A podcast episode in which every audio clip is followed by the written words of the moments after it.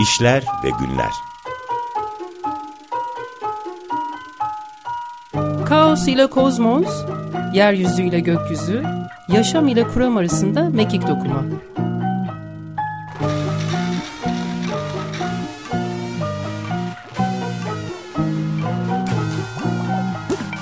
Hazırlayan ve sunan Rahmi Ördüm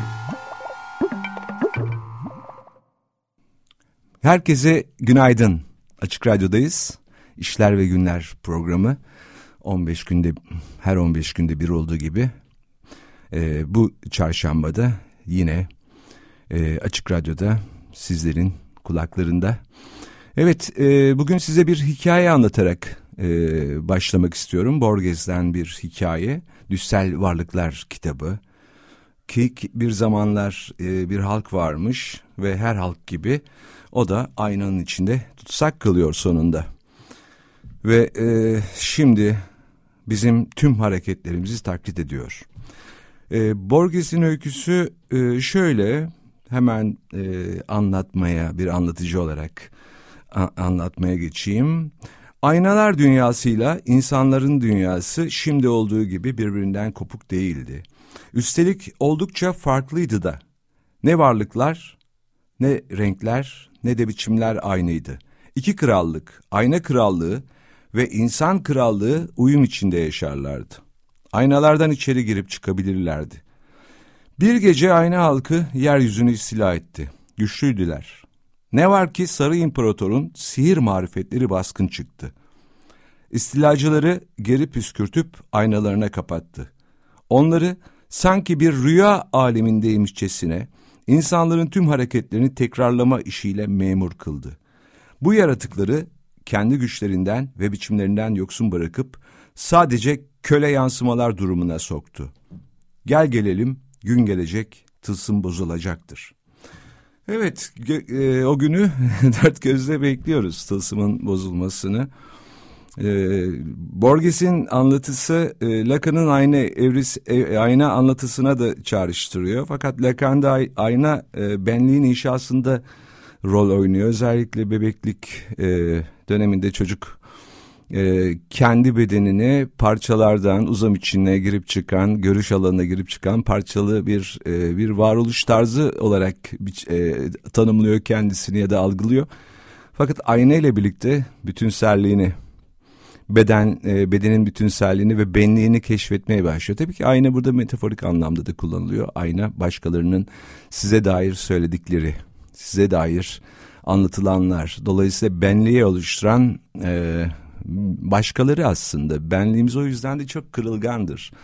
Başkalarının e, bize e, yönelik yansımaları aslında ya bizi e, olumlar, güçlendirir ya da e, kırar, kederli varlıklar haline getirebilir bizleri.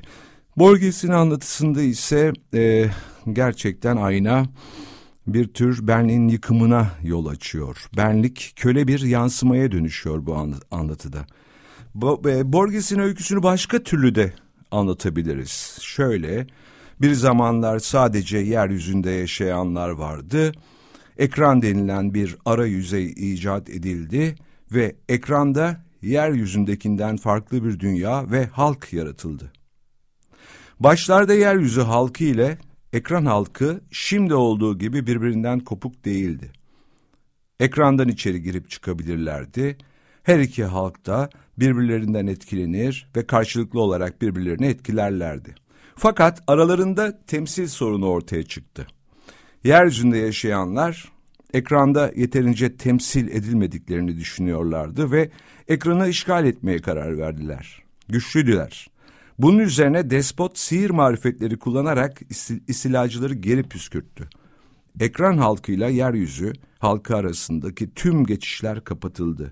Despot yeryüzü halkını ekrandaki gösterilerle büyülemişti. O zamandan beri yeryüzü halkı ekran halkının tüm hareketlerini taklit ediyor.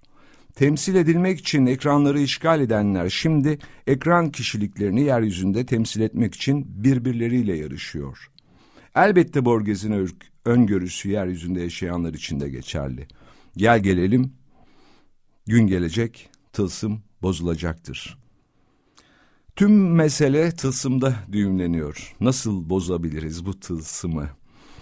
Düğümü e, Büyük İskender'in kılıcıyla çözmesini bekleyenler var. Ne var ki Büyük İskenderlerin her edimi Küçük İskenderlerin daha fazla büyülenmesine yol açıyor. Tılsım tüm İskenderleri kudretsiz ve şekilsiz bıraktı. Vapurda, trende, otobüste hatta kaldırımda yürürken bile birbirleriyle yüzleşmek yerine ekrana bakmaya, ekrandaki hareketleri, düşünceleri, duyguları taklit etmeye memur kılınmışlar. Ekrandan kafalarını kaldırıp birbirleriyle konuştukları da olmuyor değil. Böylesi zamanlarda hava dırdır sesleriyle çınlıyor.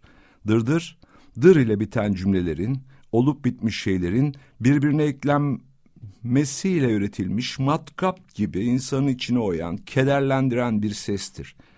Mevcut olan sorunu çözmek yerine dırdır sorunu çoğaltıyor. Bir tür amfi, amfi işlevi görüyor aslında.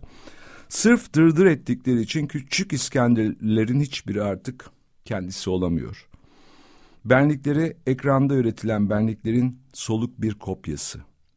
Dırdırlarıyla birbirlerinin hayatlarını berbat ettikçe küçük İskenderler daha fazla kedere gömülüyor. Elbette bu düğümü çözse çözse yine küçük İskenderler çözecek. Kendi bedenleriyle, muktedir oldukları yerel kuvvetlerle. Ekranlarda kederli e, benlikler, kederle yüklü benlikler üretiliyor ve aynı halkı kederli benlikleri taklit etmekle memur kılınmış. Ekran başından bir kalkabilseler tılsım bozulacak ve kederli bir hayatın kurbanları olmak yerine neşeli bir hayatın faillerine dönüşecekler. Ama olmuyor. Dırdırlar tükenince mecburen ekrana tekrar geri dönülüyor. Ekranda biz üretiliyor ve küçük İskenderler ekrandakileri taklit ettik, ettikleri ölçüde biz olabiliyor. Borges'in öyküsünde tılsımdan ilk kurtulan, daha doğrusu bizi taklit etmeyi bırakan balıktır. Şöyle diyor Borges, ilk önce balık uyanacak. Aynanın derinliklerinde soluk mu soluk bir çizgi göreceğiz. Bu çizginin rengi başka hiçbir renge benzemeyecek. Sonra diğer biçimler kımıldayacak. Yavaş yavaş bizden farklılaşacak. Yavaş yavaş bizi taklit etmeyi bırakacaklar. Akışkan bir çizgi olarak balık, görünür olanı taklit etmek yerine farkı görünür kıldığında diğerleri de farklılaşır. Gelelim yeryüzüne. Balık uyanır fakat diğerleri uyanmaz. Bizi taklit etmeyi bırakmaz. Biz köle benliklerden müteşekkir bir kütle. Köle benlikler hayatları zehirlemekten başka bir işe yaramıyor ne yazık ki. Evet, e, Borges'in e, ayna halkına dair öyküsünden, e, öyküsüne dair düşünerek aslında ürettiğim e, bir metni e, sizlerle e, paylaştım. Bir müzik arası verelim şimdi, sonra kaldığımız yerden devam ederiz. Evet, ilk parçamızı Rodriguez söyleyecek, Sugarman. Evet, tekrar merhaba ve günaydın. Açık Radyo'dayız. Yol geçen diyecektim. E, adı değişti. İşler ve Günler e, de devam ed ediyor. E, şimdi ve burada Açık Radyo'dayız evet. E, Borges'in Ayna Halkı öyküsünü bas anlatmıştım size bir önceki bölümde. E, dolayısıyla ayna halkında belki de e, bu ayna halkından ilk sıyrılan yani e, öte başkalarını taklit etmeyi e, bırakan balık. Önce balık uyanacak diyordu Borges. E, bir çizgi olarak, soluk bir çizgi olarak biz onu göreceğiz. Bir, bu, bu çizginin rengi başka hiçbir renge benzemeyecek. Sonra diğer biçimler kımıldayacak. Yavaş yavaş bizden farklılaşacak. Yavaş yavaş bizi taklit etmeyi bırakacaklar. Dolayısıyla birbirinin e, tıpkısının aynısı olan e, bir tür e, aynanın e, yansımasını yeniden e, üreten aslında benlikler e, olarak e, balık bize çok şey anlatıyor. E, balık e, belki de e, o kaçış çizgisi aynı zamanda. Yani e, o sıkıştığımız, yakalandığımız ve e, mecbur kaldığımız pek çok şeyden sıyrılabileceğimiz ve kaçıp kendimizi e, inşa edebileceğimiz, tüm farklılıklarımızda inşa edebileceğimiz aslında bir çizgi olarak beliriyor. Soluk bir çizgi belki bu ama bunun giderek e, farklılaşacağını da e, söylüyor Borges öyküsünde. Belirgin hale gelecek ve diğerleri de bizleri taklit etmeyi bırakacaklar. Galiba bu farklı olmak, farklı bir benlik olarak kendini inşa edebilme meselesi formlarla ilişkili bir mesele. Çünkü biz formları sürekli taklit ediyoruz. Üretilmiş formları, işte ekranlarda üretilen formları gündelik hayatta taklit ediyoruz ve e, onları onlar gibi yaşamaya çalışıyoruz bir ölçüde. Öykünüyoruz aslında. Mimetik bir eylemin içindeyiz. Ve algılarımız sadece formları ayırt etmek üzere ayarlanmış. Formları kesin sınırlarla birbirinden ayrılmış bütünlükler olarak algılama eğilimindeyiz. Mesela çoğumuz insan ile hayvan arasında bir uçurumun, bir kopukluğun olduğu izlenimine sahip formları değil de aralarındaki dereceli geçişleri, sürekliliği algılayanları ise uygarlaşmamış olarak tanımlayan bir kültürün içindeyiz. Formlar oysa bir başka şeye dönüşen, yine bir başka şeyin farklılaşarak aslında inşa ettiği geçici geçici e, uğrak yerleridir. Dolayısıyla formların kalıcılığı söz konusu değil ama kalıcı olan bir şey varsa o da yaşamın sürekli aralarda yürümesi ve yürü, yürürken de sürekli yeni biçimler yaratmasıdır. Dolayısıyla formlar üzerinde bu odaklanma, formları e, üzerinde bu yoğunlaşma bizi pek çok şeyi fark etmemizi de engelli, engelliyor. Formlarla hayatımız kurulduğunda arada olup biten şeyleri, aradaki o hayati aslında önemli e, derecesi, önem derecesinde hayati bir şekilde e, gerçekleşen bu aradaki farklılıkları biz ne yazık ki ıskalıyoruz. E, evet formları algılıyoruz sadece. Böyle bir kültürün içinde yetiştik. Afrika'nın ücra bir köşesinde e, psikologlar bir siyah beyaz bir film e, götürüyorlar deney yapmak için e, yerlilerin algılarını sınamak için üç kişi arasında geçiyor film siyah beyaz bir film ve ardın, ardından e, psikologlar batılı psikologlar Afrikalı yerlilere ne algıladıklarını sormuşlar.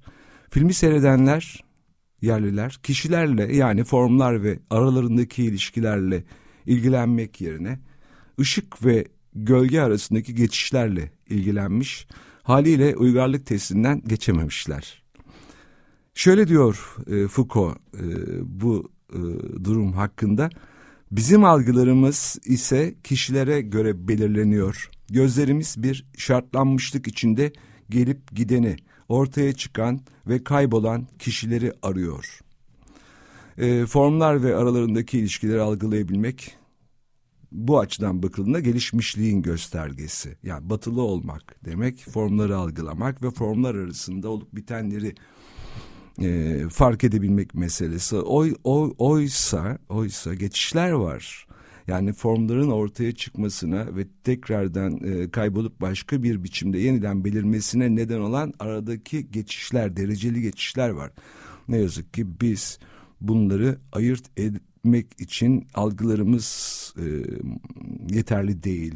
Daha doğrusu algılarımız manipüle edilmiş vaziyette formlara göre ayarlanmış. Dolayısıyla yerlilerin ışık ve gölge arasındaki geçişleri görebilmesi çok önemli bir e, bir hayatta kalma e, taktiği aynı zamanda. Çünkü meydana e, çıkacak olan tam da bu henüz meydana çıkmamış ve çıkmasıyla birlikte mevcut olan durumu değiştirecek olan tam da bu aradaki geçişlerdir. Işık ve gölge arasında ya da ya da başka türden geçişlerdir. Dolayısıyla Henüz ortada herhangi bir şey olmayabilir ama ama o aradaki e, geçişleri fark edebilseydik gelmekte olanı da fark edebilirdik, algılayabilirdik. E, sanırım e, bilincimiz engel alıyor bize. Ne diyordu Spinoza? Bilinç doğal olarak bir yanılsamanın yeridir. Bilincin doğası öyledir ki sonuçları ya da etkileri toplar ama nedenleri bilmez. Evet formlar sonuçlardır, formları fark ederiz fakat nedenlerinden habersiziz. Oysa formların arasında dereceli farkları, bin bir türlü geçişler var, süreklilik var. Bu formlar zaten bu geçişler sayesinde biçim değiştirebiliyor. Farklı bir biçimde karşımıza çıkabiliyor. Fakat bu geçişler bilinç sayesinde yani sadece sonuçları ya da etkileri toplayan bilinç say sayesinde nedeniyle görünmez hale geliyor. Geçişleri ancak Leibniz'in küçük algılar dediği bilincin dışında kalan algılarla duyumsayabiliriz. Yani mikro algıları duyumsayabilmek için e, bizim bu makro e, algılarımızı e, yeniden gözden geçirmemiz gerekiyor ya da onları yerinden etmemiz gerekiyor sanırım. Makro e, yani formları algılayan global algılar aslında e, mikro algıları e, görünmez e, kılıyor. E, Leibniz şöyle diyor. Deniz kıyısında dalgaların gürültüsünü işitiyorsak gürültüyü oluşturan küçük dalgaların hatta her su damlacığının algısına da sahip olmamız gerekir. Denizin gürültüsü global bir algıdır. Global bir algının ortaya çıkmasının nedeni ise küçük algılardır. Fak fakat bilinçliysek bilinç dışı küçük algıları asla ayırt edemiyoruz. Gündelik hayatta da şehri bir uğultu olarak deneyimliyoruz. Şehrin uğultusu, e, Said Faik'in e, dediği gibi insanların yürümesinden, koşmasından, tahtaların düşmesinden, makinelerin işlemesinden, atların yürümesinden, uzak, çok uzak kaldırımları takırdatmasından, kim bilir daha nelerden nelerden bir araya gelme, ne müthiş bir birikme mahsulü bir sestir. Ya da acıktım dediğimizde bedenimizdeki uğultuyu algılıyoruz. Yani bilinçli bir algıdır bu algı. Bir global algıdır. Oysa açlık binlerce küçük açlıktan oluşmuştur. Yine Leibniz'e göre protein açlığından, tuz açlığından, yağ açlığından, mineral açlığından vesaire. Deleuze Leibniz üzerine beş ders kitabında şöyle diyor. Küçük diferansiyeller bilinçli algının diferansiyelleridir ve bilinçli algı küçük algıların bütünleştirilmesidir. O halde bilinç dediğimiz şey aslında bu mikro algıların, küçük algıların bütünleştirilmesiyle ortaya çıkmış bir şey ve bilinçli olduğumuz zaman da bu küçük algılar ne yazık ki algılı, e, global algımızdan kaçıyor. Onları duyumsayamıyoruz. Sonsuz sayıda küçük algı ve sonsuz sayıda küçük iştah. Evet, Leibniz'in bilinç dışı kuramı Freud'inkinden çok farklı. Freud e, bilinç dışını bilinçle bir karşılık, bir çatışma içinde kavrarken Leibniz için bilinç dışı ile bilinç arasında bir süreklilik var, bir derecelenme var. Bilinçli algı küçük algıların sonsuzluğundan türemiştir. Mutluluğu ve hazzı formlarda arıyoruz. Fakat ne yaparsak yapalım asla mutlu olamıyoruz. Hep tedirginlik hissi var bizde içimizde tedirginiz. Global algılarımızı formlarla doyuruyoruz.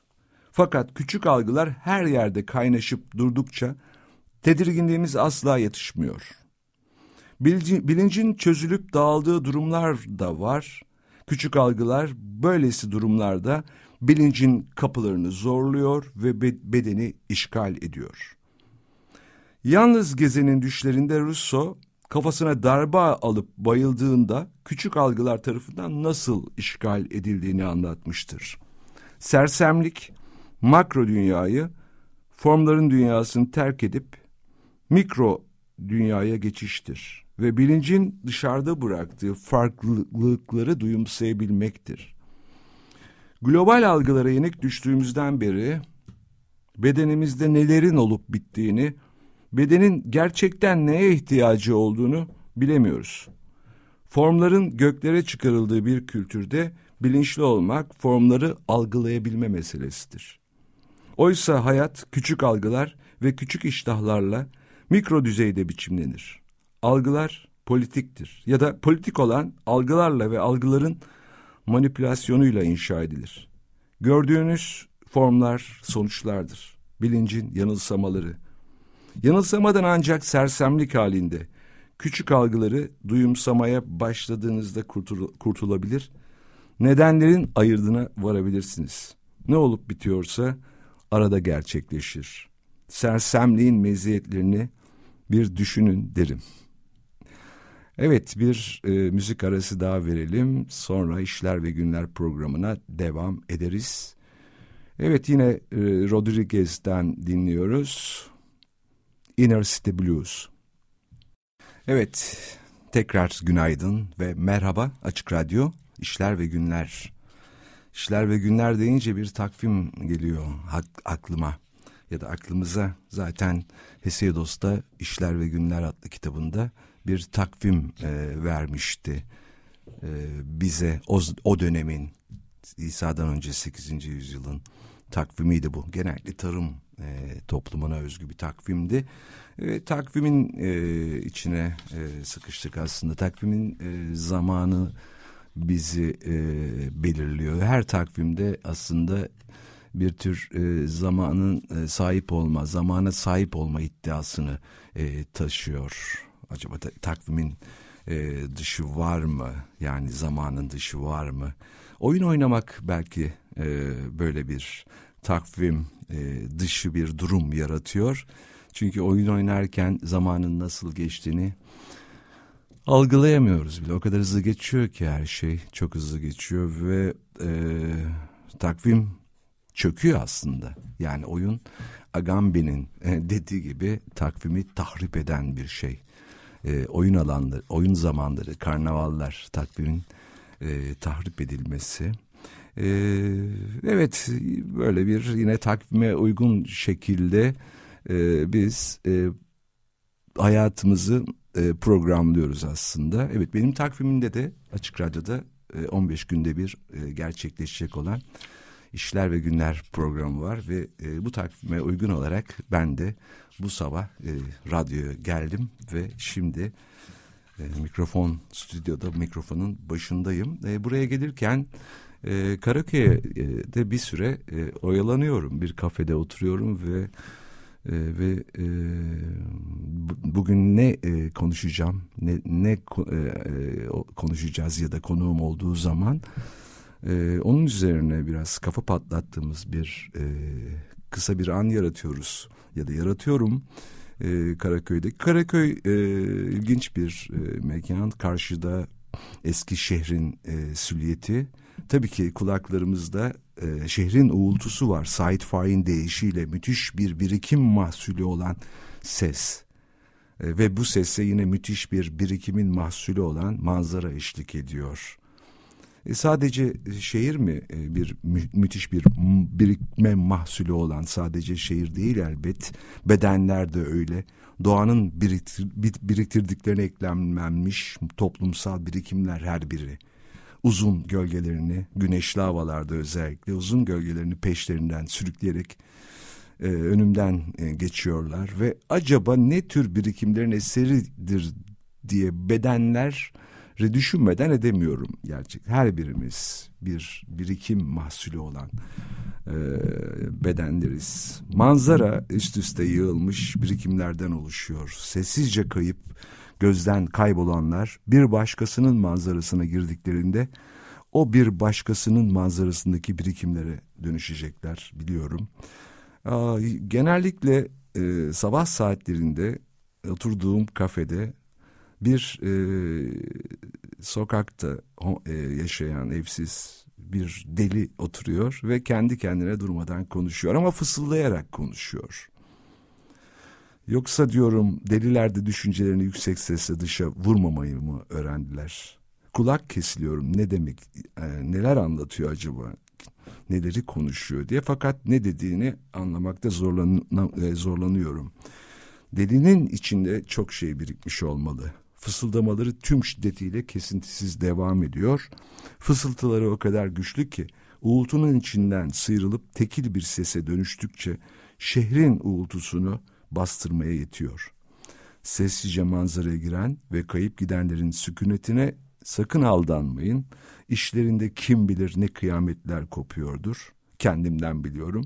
Her beden aynı anda hem kendi içindeki hem şehrin uğultusundaki tekil sesleri ayırt etmekle meşgul olabilir. Bedenler hem müthiş bir birikimin mahsulü hem müthiş birikim onların eseri. İç ve dış sesler birbirine karıştıkça tekil sesleri ayırt etmek haliyle zorlaşıyor. Fakat deli aralıksız kendi kendine konuşmaya devam ediyor. Yan, yandaki masada oturan. Akıllı olmak günümüzde hele içlerindeki uğultuyu susturmayı becerenlerin işidir. İçimdeki uğultu oluşturan tekil sesler ki herkes bunu yaşamıştır yüzeye çıkmak için bilincin kapılarını zorluyor. Ve artık içimdeki uğultuyu sonunda bastırmayı beceremiyorum. Kendi kendime konuşmamak için bilincin totaliterliğine sığınıyorum ama olmuyor. Sesler sonunda bedenimi işgal ediyor. İletişim tekil sesleri ayırt edip onlara yanıt verdiğinizde başlar. Totaliter bilincin sadece sonuçları ve etkileri toplayıp nedenlerini bilmeyen bir yanılsama yerin, yeri olan Spinoza'nın deyişiyle totaliter bilincin hakim olduğu toplumlarda bir insanın içindeki çoklukla iletişim kurması ve üstelik bunu yüksek sesle yapması deliliğin alameti olarak addedilir. Ve böylesi bir toplumda delirmeyi başaranlar dışında hiç kimse deli yaftası taşımamak, taşımak istemediği için herkes içinden konuşur. Yan masadaki deli içindeki diyaloğu dışa vurmaya devam ediyor. Fakat ben içimle konuşurken sessizliğimi koruyorum. İç konuşmalarımı, çelişkilerimi, çatışmalarımı dışa vurduğumda başıma gelecekleri aşağı yukarı tahmin ettiğim için akıllı ve uslu birini oynuyorum. Ve çoğunluğun akıllı ve usluyu oynamak zorunda kaldığı totaliter bir toplumda despot haliyle bangır bangır bağıran toplumsal bilinci temsil eder. Toplumsal bilinç bedenleri ele geçirmiş. Herkes aşırı akıllı. Müthiş bir birikimin mahsulü olan bedenler işlerindeki çokluğu dillendirmek yerine bastırmak zorunda kalıyor. Bedenler çokluğu bastırmayı despottan öğrendiler. Fakat içerideki çokluk artık despota boyun eğmek istemiyor. Müthiş bir birikimin mahsulü olan bedenler tenlerinde müthiş bir gerilim duyumsuyorlar. Gergin olmamak mümkün mü? Bedenler bünyelerindeki çokluk ile despotun tekçiliği arasında çarmıha gerilmişler. Hiyerarşik bir yapıya dahil olduklarından beri devasa bir bedenin yer ve işlevi tanımlı organlarına dönüştüler. Salisbury John'un 11. yüzyılda yazdığı gibi devlet denilen bedenin başı hükümdardır. Organların kullanımı ve denetimi hükümdara aittir. Bedenler uzuv ya da organ olarak devlete dahil ol, tabi olmalarıyla birlikte bilinçlenmişlerdir.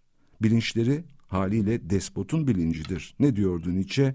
Bilinç genelde ancak bir bütün kendini daha üstün bir bütüne tabi kılmak istediğinde ortaya çıkar. Fakat içimdeki isyancıların isyanı sürüyor.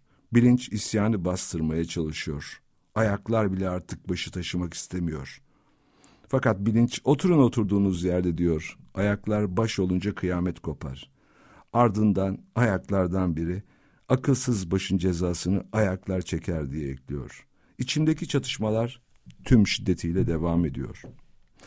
Gerçekten delirmek işten değil. İçimde kıyametler kopuyor fakat hala akıllı ve uslu birini oynamaya devam ediyorum. Bir beden gibi örgütlenmiş devlet ve devlet gibi örgütlenmiş bedenler.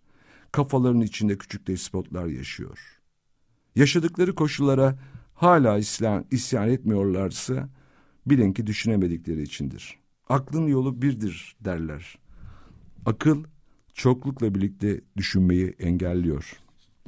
çok akıllıyız. Aşırı akıllı. Evet bir müzik arası daha verelim. Sonra kaldığımız yerden devam ederiz. Evet Rodriguez'le devam ediyoruz. Rich Folk Hawks. Herkese yeniden merhaba Açık Radyo'dayız. Yol geçen e, alışkanlıklardan kurtulamıyoruz ne yazık ki. Alışkanlıkları e, evde e, kazandırdık kazandık ve alışkanlıklar aslında düşünmeden e, hareket etmenin e, bir başka e, bir yöntemi. E, alışkanlıklar düşünmeyi de engelliyorlar. Dolayısıyla e, geçmiş e, programın adını anıyorum her seferinde yol geçen diye. Evet işler ve günler e, şimdiki programımızın adı. Evet işler ve günler devam ediyor. E, tabii ki başka türlü bir hayatımız olabilirdi diye insan düşünmeden de edemiyor. Yani mesela Alice gibi tavşan deliğine düşebilirdik. Ve yeryüzü harikalar diyarına dönüşebilirdi. E, fakat bir e, evde doğduk. Daha doğrusu her doğum bir evin içine düşüştür. Eşyalar bu evde belirli bir düzene göre yerleştirilmiş ve varlık ancak evde var olabilir. Kim olduğunu yine evde öğrenir. Ne diyordu Heidegger? Varlığın evi dildir ya da dil varlığın evidir. E, o halde eşyalar e, sözcüklerdir. Eşyaların düzeni ise varlığın grameri. İnsan önce şeyleri tek tek çağırmayı, çok geçmeden aralarındaki ilişkileri dillendirmeyi öğrenir. Yine e, dile gelen evdir aslında. Zira ilişkiler eşyaların düzeninde verilir. E, dilin içinde e, yaşıyoruz dille birlikte e, hareket ediyoruz. Dilimizi her yere taşıyoruz. Dolayısıyla bu dilin e, düzeni, evin düzenini e, doğrudan doğruya evin düzenine gönderme yapıyor. Heidegger'in dediği gibi e, varlığın evi değildir. E, özne, nesne, tümleç, dilin tüm unsurları evin düzenine göre yerleştirilmelidir. Aksi takdirde işler sarpa sarar Yüklem evin değerleridir. Varlık evin değerleriyle yüklenmiştir. Eşyaların düzeninin bozulması, gramerin bozulması demektir. O halde her şey yerli yerinde olmalı. Aksi takdirde insanın dili tutulur, kendini ifade edemez olur ve dışarı çıktığında evinde öğrendiği şeyleri ve şeylerin düzenini dışarının şeylerine aktarır onları evinde öğrendiği şekilde çağırır. Şeyler evin düzeninden farklı bir şekilde yerleştirilmişse e, kaotik bir durumla karşılaşmış demektir ki hepimiz böylesi bir durumla karşılaşmışızdır. Zaten e, kaos olarak gündelik hayatta tabir edilen şey de tam da e, budur yani. Evin düzeninden farklı bir düzenle karşılaştığınız an e, bir tür kaotik bir durum yaşıyorsunuz demektir. Şeyler tabii ki bu durumda derhal evin düzenine göre yeniden düzenlenmelidir. Şeyleri düzenlemeden yani kaosa kozmoz getirmeden kendini ifade edemez insan. Varlığı evi e, varlığın evi ka, e, kozmostur. Kaos ise evin dışında uzanan yabancı topraklar. Varlık evini yani dilini gittiği her yere taşıyan biridir. Geçmişte terra incognitaları yani bilinmez toprakları fethedip bilinir hale getirenlere verilen kozmokratör yani kozmos yaratıcısı ünvanını en çok hak eden varlıktır. Şeyleri babanın gözetiminde, annesinin dizi dibinde öğrendiği şekilde çağırdıkça kaosu kozmoza çevirir. Şeylerin anlamlarını evinde öğrenmiştir ve şeyler ancak evin bağlamında değerlidir. O yüzden bilinmez topraklardaki başka türlü yerleştirilmiş şeyleri evin düzenine göre yeniden yerleştirmeden içi rahat etmez. Ancak o zaman kendini evinde hissedebilir. Annesinin dizinin dibinde öğrendiği değerler hiç kuşkusuz başka insanların değerlerinden üstündür. Evin düzeni tek anlamlı düzendir. Eve ait olmayan yabancı şeylerle de karşılaşabilir. Hiç sorun değil. Böylesi bir durumda bu tekinsiz şeyler yani eve ait olmayan şeyler dil sayesinde kolaylıkla eve ait kılınabilir.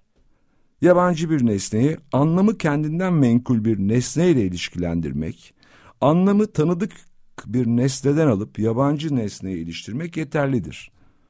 Bu işleme e, metafor denir biliyorsunuz. Metafor sayesinde eve ait olmayan yabancı nesneler tekinsizliklerinden kolaylıkla arındır, arındırılabilir. Metaforun Türkçe karşılığı eğrit, eğritileme. Yunanca meta arasında ötesinde demek ve fora da nakletmek demek. Dolayısıyla meta ve fora sözcüklerinden müteşekkil metafor. Metafor e, bu e, çok açık şekilde bir nakliyat işlemidir. Bir şeyi bir yerden alıp başka bir yere taşıma. E, hemen aklımıza tabii ki nakliyat şirketleri geliyor. Evi bir yerden alıp başka bir yere evin eşyalarını ve düzenini bir yerden alıp başka bir yere taşıyan e, nakliyat şirketleri geliyor ki nakliyat şirketlerin elemanları e, bozdukları evin taşıyacakları evin eşyalarını yine aynı şekilde yerli yerine yerleştirirler. Dolayısıyla metafor dediğimizde bir tür nakliyat şirketi e, den söz ediyoruz aslında. Yani yabancı topraklara gittiğiniz yabancı yeri ev haline getiren, şeyleri evcilleştiren bir e, araç. E, varlık yeryüzünde eğreti bir yaşam sürer. Evin eşyalarını ve düzenini eğretilemeler yani metaforlar sayesinde sürekli başka yerlere taşır. Taşıdıkça anlamsız olanı anlamlı, bilinmez olanı bilinir kılar. Metafor varlığı bir yerden başka bir yere nakleden toplu taşıma aracıdır ki modern Atina'da Michel de Certeau'nun gündelik hayatın keşfi kitabında dosttan çıkmıştı. E, de Certeau e, modern Atina'da toplu taşıma araçlarına metaforai dendiğini yazıyor. Yani doğrudan doğruya evet bir nakil aracı aslında metafor. Varlık aynı zamanda bir çevirmendir. Ötekiyle her ilişkisi bir çeviri edimidir. Onun renklerini yani başkasının ötekinin e, renklerini kendi renklerine, onun acısını kendi acısına, onun e, dünyasını kendi dünyasına çevirir. Varlıklarda empati duygusu çok yüksektir. Empati yani duygudaşlık e, bir varlığın kendisini karşısındaki varlığın yerine koyması. Aşırı empati aynısı bende de var sendromudur ve asla tedavisi yoktur. Karşısındaki din, karşısındakini dinlemeye e, başladığı an aslında ilişkide başladığı gibi bitmiştir. Çünkü varlık empati sayesinde asla ötekiyle karşılaşmaz. Empati dışarıda yaşayan ve yaşanmış olan her şeyi evin diline çevirme, yabancı olanı evcilleştirme işlemidir. Evet, e, tavşan kaçış çizgisidir. Bu sabah kim olduğumu biliyordum ama o zamandan beri çok değiştim, diyor Alice Harikalar kitabında. Tavşanı izleyin derim. Ancak o zaman hayatımız e, harika bir roman olabilir. Güzel romanlar yabancı dilde yazılmıştır diyordu Proust. Evet programın e, sonuna geldik. Açık Radyo İşler ve Günler programı bu hafta sona er, erdi. Teknik Masa'da Andre'ye çok teşekkür ed... Var mı zamanımız Andre? Yok e, e, sen evet Andre ile bir iletişim sorunu e, hareketlerle e, anlaşmaya çalıştığımız zaman bir bir, bir evet devam e, edebilir Evet evet bir şarkı çalalım öyle bir e, öyle bitirelim o zaman e, programımızı.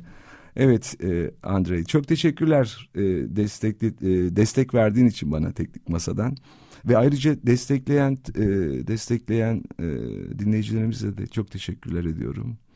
İyi günler diliyorum. Tavşan deliğini bir düşünün diyorum. Evet son parçayla bitirelim o zaman.